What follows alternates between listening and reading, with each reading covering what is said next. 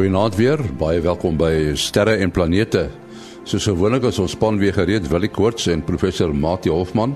Kobus Olkers daar in Florida, Amerika, sit ook op sy pos met 'n ruimte weer. Maar voor al hierdie dinge eers 'n ruimte nuus. Die Kepler ruimteteleskoop se brandstof is byna uitgeput.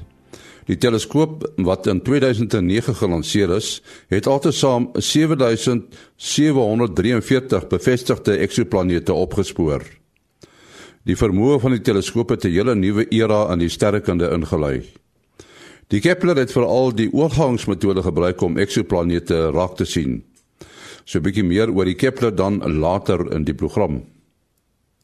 Elon Musk het tydens 'n onlangse nuuskonferensie gesê dat die sogenaamde BFR, Big Falcon Rocket, teen 2019 met toetsvlugte sal begin. Kenner sê dat Musk moontlik ooroptimisties is met sy tydlyn en datums. Maar Musk het beklemtoon dat hy wel geringe tydsaanpassings sal maak. Hy het dit as 'n feit gestel dat sy organisasie tans besig is met die bou van die eerste Mars of interplanetêre tuig.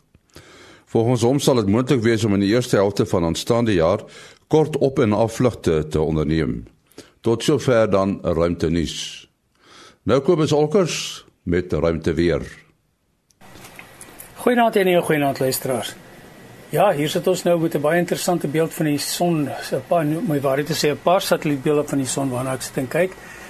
As mens nou na die magnetogram kyk en dit is nou die ding wat vir ons wys uh presies waar op die son se oppervlak is dinge nou noordgerig en waar is dinge suidgerig, dan sien ons so amper soos 'n soos 'n klomp grys wat die hele son vol is. Uh 'n klompie noord noordpole hier en 'n klompie suidpole reg langs aan. Maar dit is nie groot genoeg om enige konsolidasie te maak en vir ons 'n netto groot area te gee van magnetiese afwyking waar ons nou sê nou maar 'n uh, koronamassa uitbarsting kan kry nie. Die effek hiervan is is dat ons dat die hele son is oortrek as ons nou kyk in die in van die ander golflengtes met 'n klomp mikro uitbarstingkies. Ek het dit uh dis iets wat ek baie gereeld sien nie. Dit is vreeslik interessant om na te kyk. Ehm um, as mens nou inzoom op die op die satellietbeeld dan dan lyk dit asof daar omtrent meer as 100 klein uitbarstingkies is, maar ehm um, die magneet uh, magnetiese eienskappe is so versprei dat dit geen dat die netto effek eintlik maar net 'n vergladding is. Die een ding wat ons wel hierdie week het is en dit is uh dit lyk asof al hierdie uh vreemde magnetiese aktiwiteit 'n uh, redelike groot koronagat in die suidelike halfrond van die son oopgemaak het. Maar hy gaan ook oop en toe en oop en toe. As mens na die een beeld kyk dan is hy toe nie volgende een 'n uur of twee later dan is hy weer oop. Maar in alle geval, terwyl hy oop is, blaas hy uh, baie hoë spoed sonwind na die aarde se kant toe en ons hy het reeds uh, hiervan uh, donderdag se koers af het hy al begin om uh, geo-effektief te raak en hy waai nou maar so amper soos 'n amper soos 'n somerbriesie wanneer daar donderstorms in die gang is dan waai hy en dan stop hy en dan waai hy en dan stop hy. En dit is wat die aarde op die oomblik uh, wat by die aarde aankom. En die effek is dat ons uh, redelik interessante auroras sien en dan natuurlik ook is ons arme mense wat probeer langafstand praat met die ionosfeer, um, hulle kommunikasie is skoon deur mekaar want hierdie ding is totaal onvoorspelbaar. Baie dankie Kobus Olkers daar in Florida, Amerika. Matie ek sien die die Kepler ruimteteleskoop. Ek dink hy's in 2009 gelanseer. Dit lyk my sy brandstof is in die opraak. Miskien moet jy net iets sê oor die bydrae wat hierdie teleskoop gelewer het tot dusver.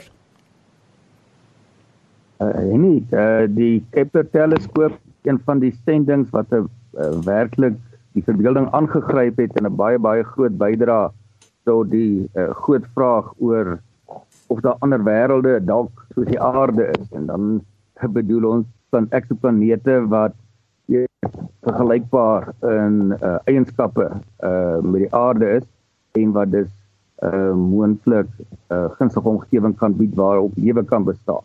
So dit is nou die die 1000 dollar vraag.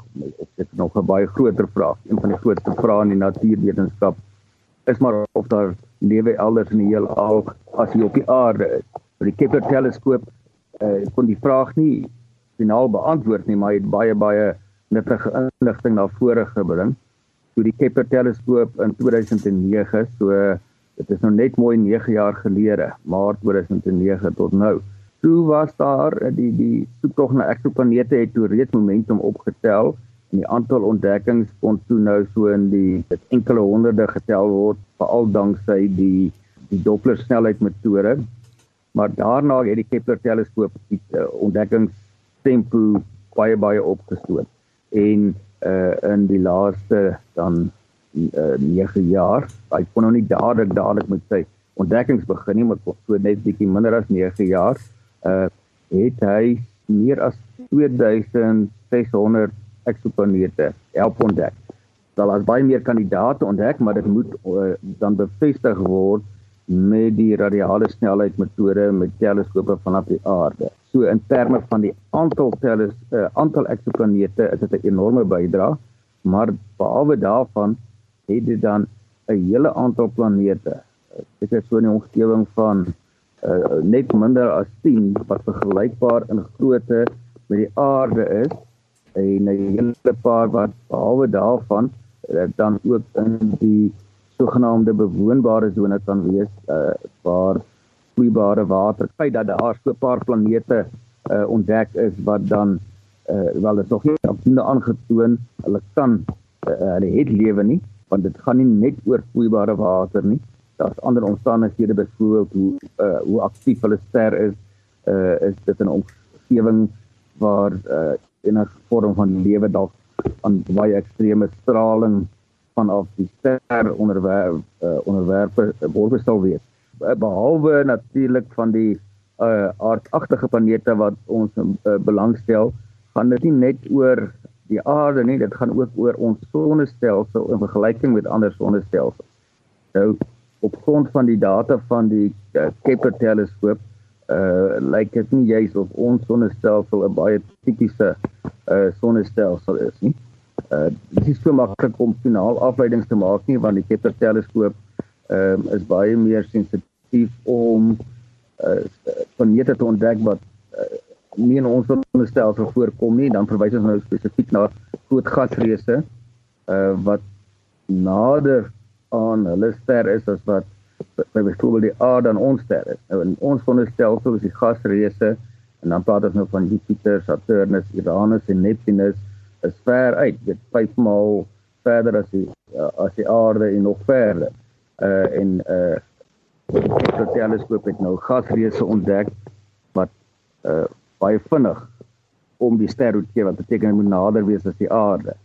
Bloot omdat die metode eksoplaneet ten minste 3 keer moet waarneem voordat dit geerken word as 'n uh, 'n goeie kandidaat en dan moet dit nou bevestig word vanaf die aarde. Jy gaan nou nie 'n Jupiter tipe planeet op daai afstand kan ontdek met 'n uh, sending wat net 'n paar jaar lank werk.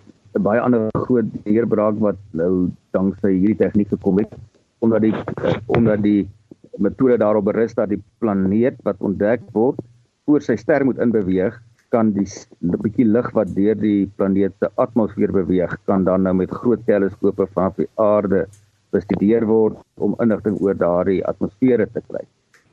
Uh ek dink die belangrikste aspek dalk van die Kepler sending is die uh wisselwerking wat daar tussen die ontdekkings uh van die eksoplanete met die Kepler teleskoop en opvolgwaarnemings vanaf die aarde uh gedoen kan word uh omdat die metode berus op 'n planeet wat tussen sy ster en die aarde in beweeg, uh is daar dan 'n baie klein persentasie van daardie ster se lig wat deur die atmosfeer uh van daai planeet beskram skyn en dan kan die groot teleskope soos uh kyk 1, kyk 2, uh die Hubble teleskoop en enkele ander dan dan inligting bekom oor die samestelling van daardie uh atmosfere. So nou weet mense net meer daar is 'n eksoplaneet en sy massa is vergelykbaar met die aarde nie. Mense kan aflei of meet is daar suurstof, is daar koolstofdioksied. So daai werk is nog in die kinderskoene, maar dit is al op 'n paar eksoplanete toegepas en ek dink dit gaan 'n groot onderwerp vir die volgende dekade wees, veral nog as die James Webb teleskoop ehm uh, in die uh, uh die opvolg van die Kepler teleskoop binne 'n paar jaar hulle werk begin doen. Wat is die verskil tussen die Kepler teleskoop en die en die Hubble teleskoop byvoorbeeld? Die Hubble teleskoop is 'n baie groter teleskoop. Sy spieël is baie groter. Hy is baie uh, meer veelsidig. Uh behalwe van die meting van die helderheid van sterre, kan hy spektroskopie doen. So hy het baie meer instrumente. Hy kan in enige rigting uh, gerig word. Die Kepler teleskoop was net vir hierdie een bepaalde doel gebou en dit is om fotometrie te doen uh op 'n seleksie van sterre en dan uh vir 'n hele paar jaar het hy net een klein sterveld waargeneem uh waarin ongeveer 200 000 sterre was en hy moes hulle helderheid baie baie akkuraat meet sodat hy 'n uh, klein persentasie veranderinge en nou praat ons van sê nou maar 0,01% vir daardie soort metings kon doen om dan nou uh te kan agterkom as 'n eksoplaneet voor sy ster in beweeg. Wat nou interessant is, uh hy kon op die bepaalde sterveld werk terwyl al sy giroskope uh gewerk het. Dit is nou wat hom stabiliseer en ook gebruik word uh om hom uh, te rig tot 'n baie hoë akkuraatheid. En uiteindelik het twee van daardie giroskope opgepak en toe het hulle 'n baie vindingryke metode gekry om in ander omgewings as die oorspronklike sterveld voort te gaan met die soektog na eksoplanete en om nog steeds die teleskoop te kon rig en te stabiliseer het hulle die twee giroskope wat nog gewerk het uh, aangevul met die met sy klein vuurpyle die die thrusters. En daarvoor het hulle nou brandstof heeltyd gebruik. En dit is nou daai brandstof wat uh, waarskynlik nog net enkele maande gaan hou. En dan gaan hulle net nie meer die vermoë hê om uh om die teleskoop te kan stabiliseer en te kan uh, te kan rig nie.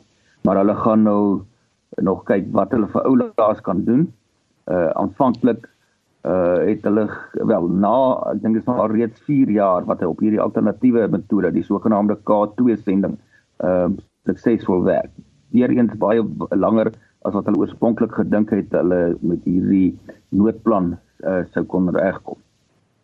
Ja, ek sien ook dat eh, dit lyk vir my die brandstof op die stadium is nodig om die teleskoop so te draai om die data af te laai aarde toe. So dit is dan die groot probleem uiteindelik. Uh so dit klink my uh, op hierdie stadium het hulle oorgegaan na kalibrasie data en uh, dan wil hulle hom vir oulaas aarde toe draai en die kalibrasie data af te laai. Uh ek neem aan die kalibrasie data is soortgelyk aan wat ons sterrekundiges ook maar doen. Um mens moet dink aan 'n teleskoop, enige teleskoop eintlik het ons nou maar die lig moet 'n pad deur die teleskoop trek en dan deur die instrumentasie en uiteindelik op 'n detektor val en uh, dan is moet jy 'n manier uh, daardie lig kalibreer teenoor iets wat onbekend is. So jy gaan gewoonlik na 'n bekende ding toe, uh, rig hom daar, uh neem data en dan kan jy weet uh as jy na 'n onbekende ding kyk, hoeveel jy moet afwyk daarvoor.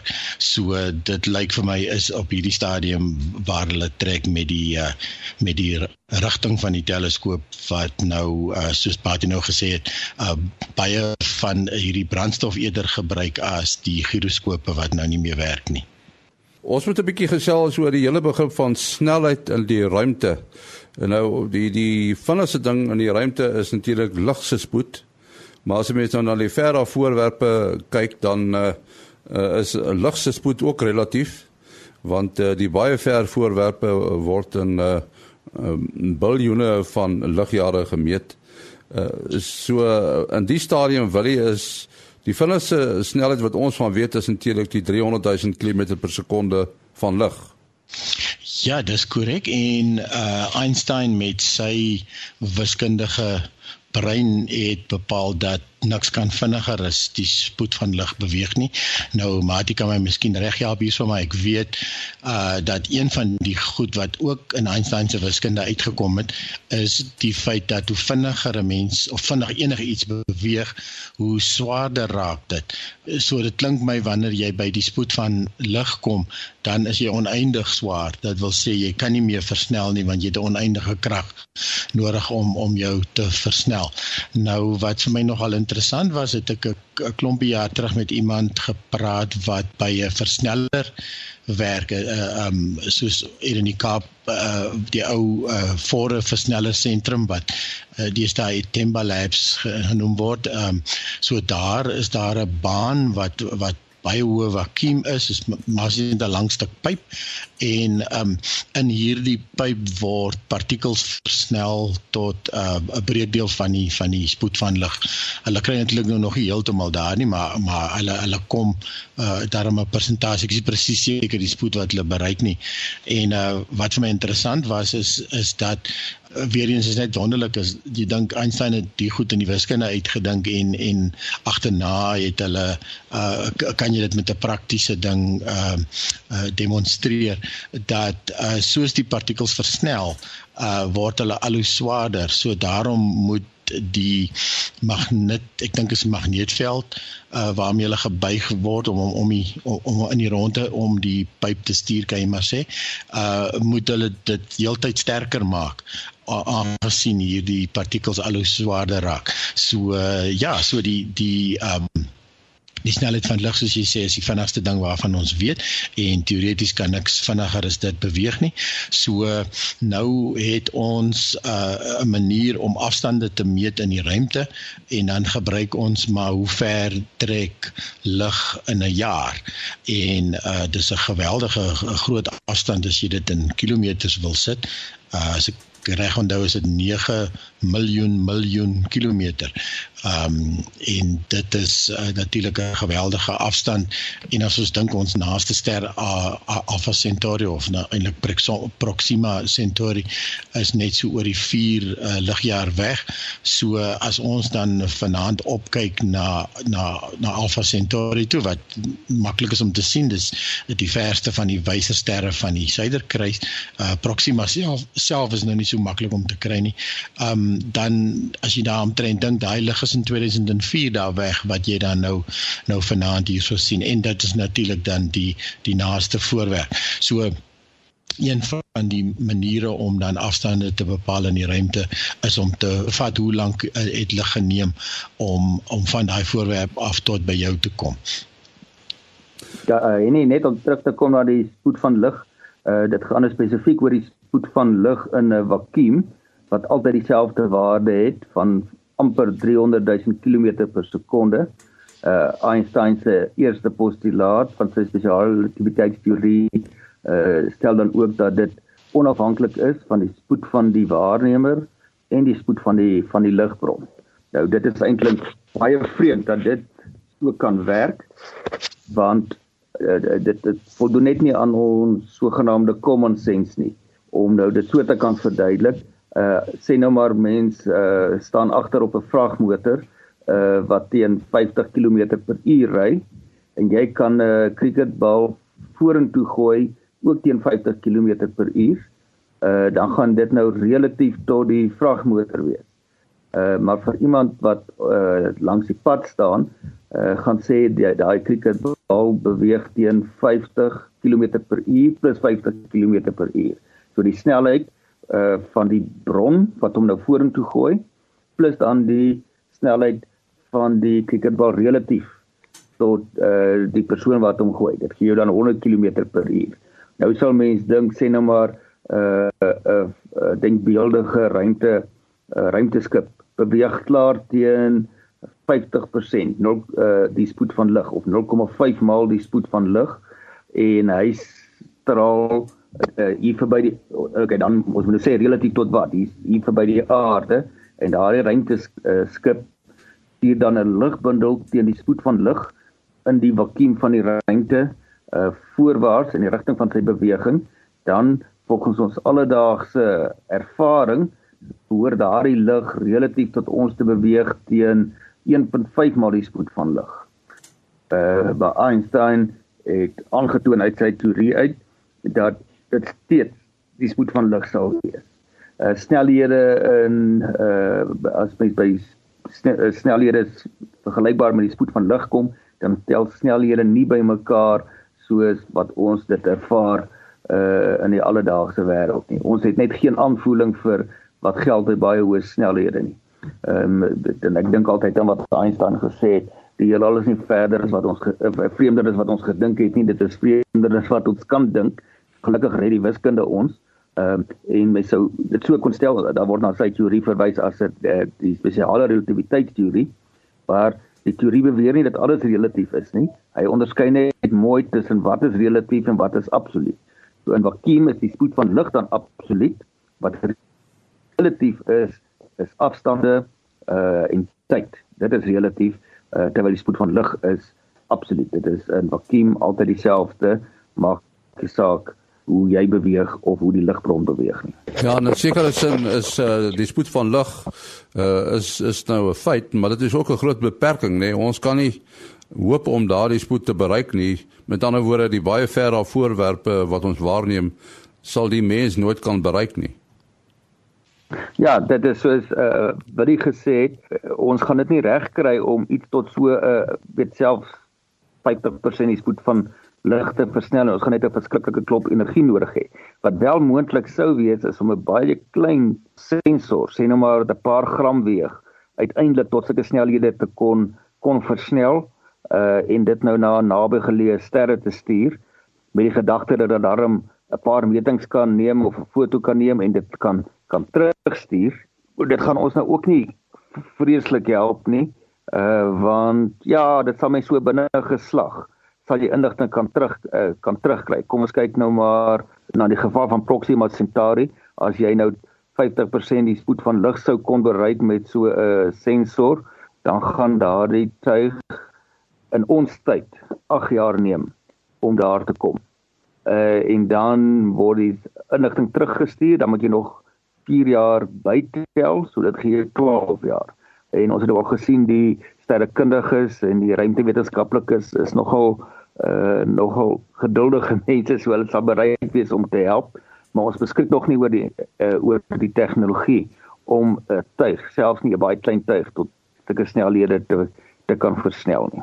Ek weet Japie het op 'n stadium gesê en uh, dat met die huidige snelhede wat in die ruimte bereik word, uh as 'n mens byvoorbeeld na die naaste ster sou wou gaan, dit is uh, Proxima Alpha daar rond, dan gaan dit jou 80000 jaar vat Ja, nee, dit is beslis want soos Martin nou gesê het, ons kan nie eers dink daaraan om uh, om uh, die sê die helfte van ligspoed te bereik nie.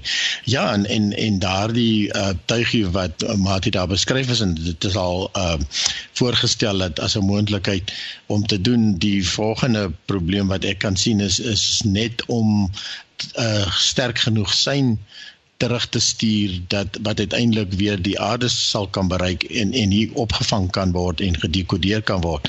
So uh, daarvoor het jy gewoonlik 'n bietjie batterykrag nodig en ons weet batterykrag uh batterye is swaar goeder in ons huidige tegnologie.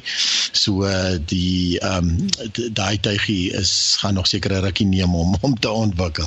Ja. Ja, wie die een konsep wat hulle het is om 'n uh, soort van 'n seil te ontplooi met 'n baie groot oppervlakte wat gelyktydig uh op die uh sonwind ry, weet die die lugdruk ehm um, en die, die die energie wat oorgedra word vanaf die sonwind moet dan daai tyd versnel en as jy nou kan dit gelyktydig ook gebruik as jou sonpaneel wat vir jou dan die bietjie energie gee, maar dit is heeltemal futuristies en die daar's 'n klopie mense wat hulle met sulke futuristiese uh, skemas besig hou. Uh dit is seker 'n uh, veilige ding om te doen want daar's nie hulle gaan nie gou vir jou verkeerd bewys uh dat jou idees uh, nie gaan werk nie want dit lê iewers ver in die verskiet. Dan sal hulle terugkyk en sê uh, daai ou het, het sy tyd gemors. Die meeste van ons sal ons maar met iets bereik wat in ons eie lewenstyd uh, haalbaar is Ja, terselfdertyd moet jou uh, sonpaneel tegnologie ook soveel verbeter want ons weet sonpanele is maar iets soos 30% effektief as ek my nie reg onthou. En uh en dit gaan ook net uh, invloed hê terwyl jy na in die son is. So uh, as jy nou hierdie klomp interstellêre afstand tussen die son en Proxima uh, uh moet uh oorgaan uh, dan is dit soos die diepsee wat jy sonder brandstof aanpak so ja klomp klomp praktiese probleme wat hierso moet uitgesorteer word nê nee. Ja, die twee bekende begrippe wat uh, wat mense dikwels gebruik as mense oor die goed praat is natuurlik lig se spoed en dan waar tyd inkom, né? Nee, dit is twee moeilike dinge om van te praat. Ja, die uh, en die tyd, tyd is seker die konsep wat ons die meeste laat laat kopkrap, wat ons is net eenvoudig onderworpe aan aan tyd. Dit slee ons mee. Augustinus, die beroemde filosoof, uh, teoloog, het al eeue gelede die opmerking gemaak. Hy, hy weet presies wat tyd is totdat iemand hom vra. Uh so ons weet nie werklik wat tyd is nie. Op die ou end is dit 'n uh, veranderlike in ons vergelykings. En behalwe daarvan dat deur die konsep van weet wat bepaal tyd. Mens kan skaars die vraag uh, beantwoord maar hoe sal jy nou weet wat wat uh, wat moet jy weet om te weet wat tyd is? Ehm um, dis maar net 'n vir ons 'n basiese gegewe. Maar wat nou nog vreemder is en dit hang nou weer saam met Einstein se teorie is die verweefdheid van ruimte en tyd.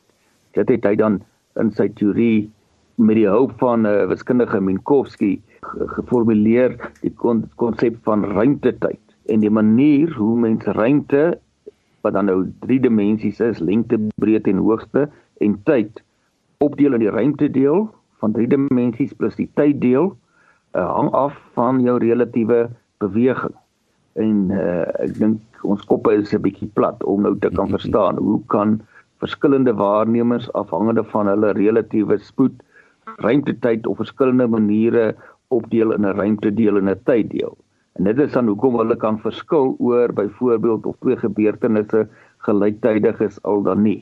Hulle kan ook verskil oor die lengtes van voorwerpe en omdat daai konsepte relatief is, uh, kan albei reg wees. So dis nou maar net eenvoudig so dat sekere uh fisiese veranderlikes is relatief. As jy wil sê 'n bepaalde die, uh, maatstok het 'n sekere lengte, dan moet jy sê relatief tot watter uh laboratorium of watter verwysingsraamwerk. Die verskille in sê nou maar die lengte van tydintervalle of die lengte van lengteeenhede kom net na vore as mens nou hier so by 10% die spoed van lig kom en dit in ons alledaagse lewe is dit glad nie toepaslik nie ons hoef ons nie daaroor te bekommer nie maar dit is baie belangrik as dit by die uh, kosmologie kom want op groot afstande beweeg voorwerpe van mekaar weg met breekdele van die spoed van lig en natuurlik in die subatomiese wêreld as mens by hierdie versnellers kom soos wat Willem nou na verwys het dan versnel hulle uh hierdie klein uh, elementêre deeltjies soos protone en elektrone tot baie baie baie naby aan die spoed van lig. En dan bereik ook sulke deeltjies ons uit die ruimte uit uh wat baie naby aan die spoed van lig beweeg, soos kosmiese muone. En hulle het al kon aantoon dat kosmiese muone wat in die uh, uh in 'n in 'n laboratorium baie baie kort leeftyd het, maar die wat uit die ruimte uitkom wat naby sê 98% die spoed van lig beweeg, het 'n baie langer leeftyd. En dit is uh dit demonstreer en dit is so by wyse van metings bevestig dat die uh, hulle leeftyd verleng weens 'n hoë relatiewe snelheid. Maar dit is vir vir ons op die aarde wat dink hulle leef langer in ons verwysingsraamwerk. As jy saam met die kosmiese muone sou kon beweeg, dan leef hulle steeds kort. Wat dan vir jou verander is die uh, uh afstand na die aarde gaan net vir jou baie korter wees. So dit is baie vreemde verskynsels, maar wat tog al eksperimenteel waargeneem is. Ons moet uh, ongelukkig uh, die tyd dophou altyd. Dit is uh, relatief tot daardie horlosie teen die muur daar het ons nou genoeg gepraat. Uh, ons wil net gehoor Mati jou besonderhede. Uh, en die selfoonnommer 0836257154. 0836257154 en lyk my die feit dat ek vinnig gepraat het het ook nie die tyd laat stadiger gaan nie. Willie 0724579208